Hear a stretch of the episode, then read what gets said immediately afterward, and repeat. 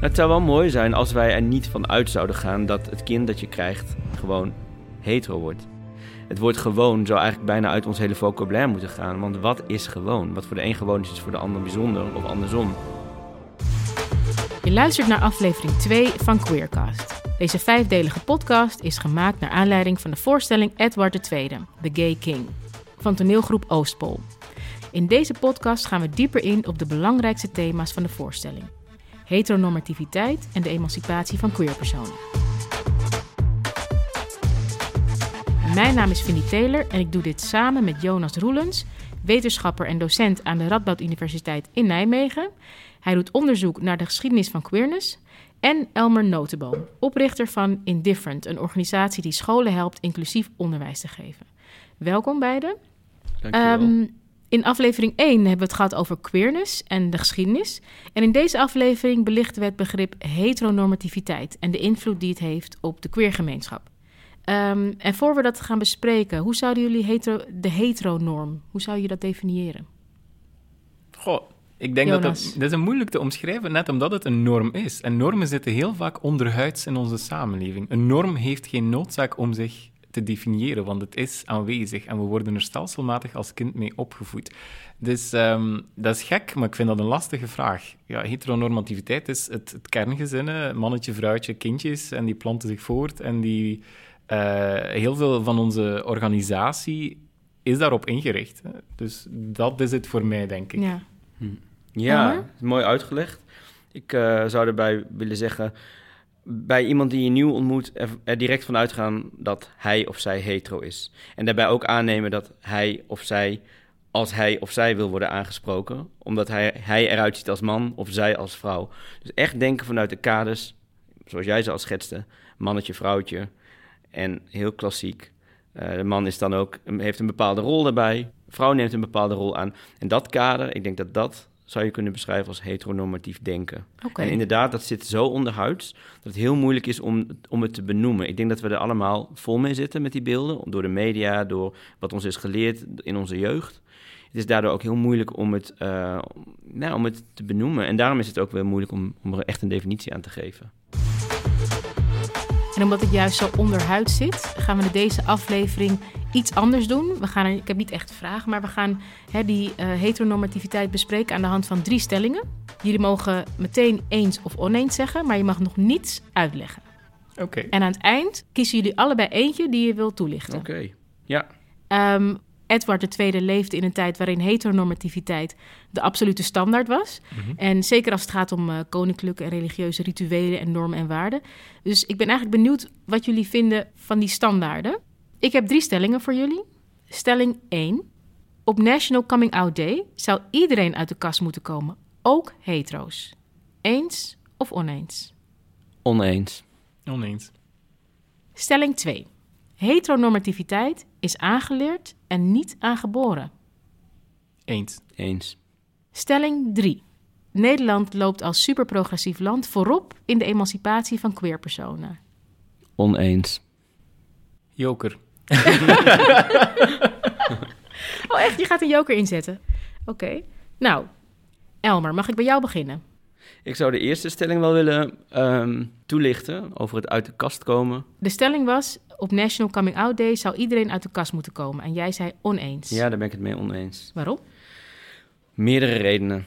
Ten eerste, ik vind het uit de kast komen dat is een term die ik steeds moeilijker begin te vinden. Ik begrijp waar die vandaan komt. Het idee is heel visueel ook. Je zit in een kast, je verstopt je. Je hebt een identiteit die niet iedereen mag zien. Tot zover begrijp ik het. Uit de kast komen impliceert dat het een actie is die je eenmaal doet. De deur gaat open, je stapt eruit. Tada, daar ben ik. Nou, dat, dat klopt niet. Ik merk dat elke keer als ik nieuwe mensen ontmoet, er komt een moment dat ik vertel dat ik een vriend heb. Er komt een moment dat zij weten dat ik homo ben. En dat is in feite elke keer uit de kast komen. Dat ten eerste vind ik een mis aan die term. Ten tweede, um, sommige mensen zitten heel comfortabel in die spreekwoordelijke kast. Je hoeft niet uit te komen voor wie jij bent. Als jij ervoor kiest om een deel van je identiteit te verzwijgen, dan is dat jouw recht. En dat doen we eigenlijk allemaal, want we weten misschien van elkaar wel bepaalde dingen, maar we weten ook niet alles van elkaar. Zeer zeker, zeer zeker. Ja, daar ben ik het helemaal mee eens. Vroeger zei men trouwens het masker afleggen in plaats van uit de kast komen. En dat is een veel ruimere betekenis, want je kunt zelf kiezen waar, wanneer, voor wie je je masker afdoet en wanneer je het ophoudt. Dus, um, je houdt het eigenlijk altijd bij je. En uit de kast komen is alsof je iets achterlaat. En je bent er eenmaal en dan... Ja, en dat is ook... We zitten in die goed nieuws. Je doet het één keer en misschien in het begin hebben mensen wat moeite, maar dan groeien en dan dat is het verhaaltje mhm. dat we graag ophangen. Hè? Maar eigenlijk is het veel complexer dan dat. Ja. ja. Want ik kom ook nooit uit de kast als hetero ja. cisvrouw. Ja. Moet ik ook op een sinaasappelkistje gaan staan? Ja, het zou wel mooi zijn als wij er niet van uit zouden gaan dat het kind dat je krijgt gewoon ja, ik zeg het woord gewoon er al voor, hetero wordt. Hè, dat is eigenlijk, ik betrap mezelf erop, eh, het woord gewoon zou eigenlijk bijna uit ons hele vocabulaire moeten gaan. Want wat is gewoon? Wat voor de een gewoon is, is voor de ander bijzonder of andersom. En alleen al je openstellen voor het idee dat, het, dat de realiteit anders zou kunnen zijn dan dat jij hem in je hoofd hebt, of dat, dan dat jij hem hebt aangeleerd, dat is iets waar we met elkaar naartoe zouden moeten gaan. Dus als ik al een stelling zou moeten uh, ja, beamen eigenlijk die gaat over uit de kast komen, dan zou ik zeggen: laten we een dag creëren waarop iedereen buiten zijn eigen kaders denkt. En dat we allemaal, hetero of pan of uh, bi of gay of hoe je het noemen wil, allemaal onze kaders openen. Allemaal met iemand in gesprek gaan die we niet eerder hebben leren kennen. Dat lijkt me veel interessanter. Dus jij pleit eigenlijk voor een national uh, remove your, uh, hoe zeg je, clip, oogklippen? ik weet het niet in het Engels. Ja, um, inclusiedag. Een nationale inclusiedag, waarbij je met iemand in gesprek gaat. Nou, uh, het zou heel mooi zijn als elke dag dat zou kunnen zijn. Ja. Um, nou ja, en, ook iedereen moet ook werken, hè, dus dat is Nee, maar ik snap wat je bedoelt. Nou, ik, ik, ik ga er wel voor, ja. Ja, Nationale Inclusiedag. Ja, ik voel hem wel. Oké. Okay. En uh, Jonas, jouw stelling. Jij wilde Waar wil jij op ingaan? Ja, ik wil mijn joker wel toelichten. Ja, graag. Je, je joker was bij stelling 3. Nederland loopt als superprogressief land voorop in de emancipatie van queerpersonen. Elmer zei meteen nee. En jij wilde een joker inzetten. Ja, omdat ik het een dubbele vind. Want enerzijds denk ik, it takes an outsider's perspective. En als Belg mag ik dat misschien zeggen. Maar ik vind Nederland wel heel vaak zelfgenoegzaam in dit soort discussies. En ik ga niet ontkennen dat Nederland een historische voortrekkersrol heeft gespeeld. Het is, zeker, het is, een van de eerste land, of het, is het eerste land ter wereld om het homohuwelijk goed te keuren. Het, het is hier allemaal zeer goed geregeld. Die maatschappelijke acceptatie gaat stelselmatig omhoog. Maar daardoor krijg je inderdaad die zelfgenoegzaamheid. Kijk eens hoe goed wij bezig zijn en hoe hoog wij scoren in dat soort internationale lijstjes en zo, waardoor je heel vaak het gesprek niet moet voeren over wat er wel nog beter kan en wat er momenteel fout loopt. En dat is een discussie die er vaak uit de weg gegaan wordt. Ja, maar we komen al van zover en ja, het gaat hier allemaal goed. Klopt, maar er is nog zoveel ander werk aan de winkel uh, rond de transbeweging, rond inclusiviteit voor mensen uh, met, een, niet, met een andere etnische achtergrond, voor mensen met een disability die ook in die queerbeweging zitten. En het is een, een huis met heel veel kamers en daar is soms ook echt intern conflict over hoe moeten we het nu aanpakken. En dat is iets wat veel te weinig aan bod komt. Ja denk ik. Elmer, vind je jij, jij, bent het daarmee eens, hè? Want je was het oneens met de stelling. Ja. Dus... Ik ben het oneens met die stellingen, omdat ik, uh, ik dacht toen ik opgroeide dat we, dat we in een heel um, progressief land woonden. Ik was daar trots op. Maar dat is veranderd, denk ik. Ik denk dat wij niet meer zo progressief denken met elkaar als Nederlanders. Natuurlijk zitten er heel veel verschillen in. Maar ik weet in ieder geval uit eigen ervaring dat ik op heel veel plekken in mijn eigen stad, binnen 100 meter van mijn huis, me niet veilig voel om hand in hand met mijn vriend te lopen. Terwijl ik toch echt al meer dan ja, bijna de helft van mijn leven met hem ben. Um, en als ik bijvoorbeeld in Spanje ben, dan voel ik daar wel die vrijheid om, om gewoon waar ik ook ben. Zelfs om één uur s'nachts. Dan steek ik een, een, vreemd steegje in om naar huis te komen of naar het hotel. En dan lopen we hand in hand. En daarin, denk ik, het kan in, in de regels misschien redelijk goed. Uh, naar verhouding ook, als je kijkt naar mondiaal, dat we het in Nederland redelijk goed hebben. Daar ben ik het mee eens. Maar ik denk wel dat um, dat progressie is inderdaad, zoals jij net schetste, Jonas, niet iets wat in een rechte lijn gaat. Het gaat stukje bij mhm. beetje beter en dan stopt het weer. En ik vind dat wij nu in een periode zitten, ik zie het ook. Een dalende lijn?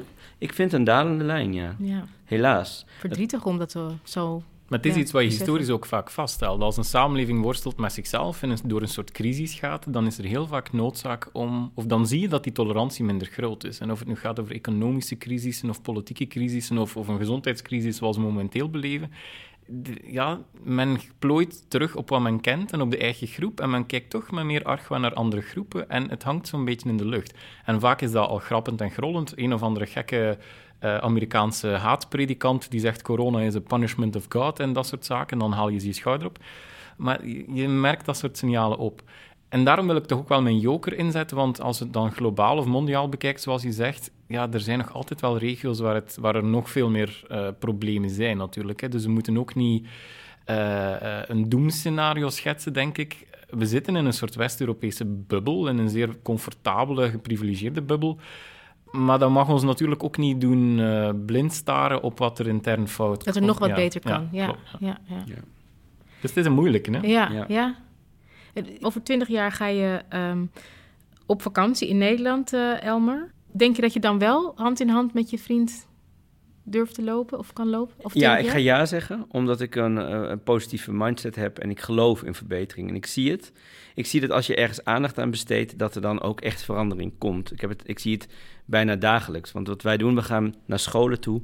Daar is de, de vraag van de jongeren. Wij willen emancipatie. Wij willen zijn wie we zijn. En we willen daarvoor niet gediscrimineerd worden en, en, en niet genegeerd worden.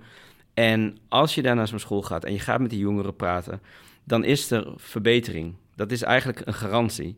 Uh, dus, dus ja, ik geloof zeker dat we, als we ons actief ervoor inzetten, en, en dat doen heel veel mensen nu, ik ben er eentje van, dat er verbetering kan komen. Ja.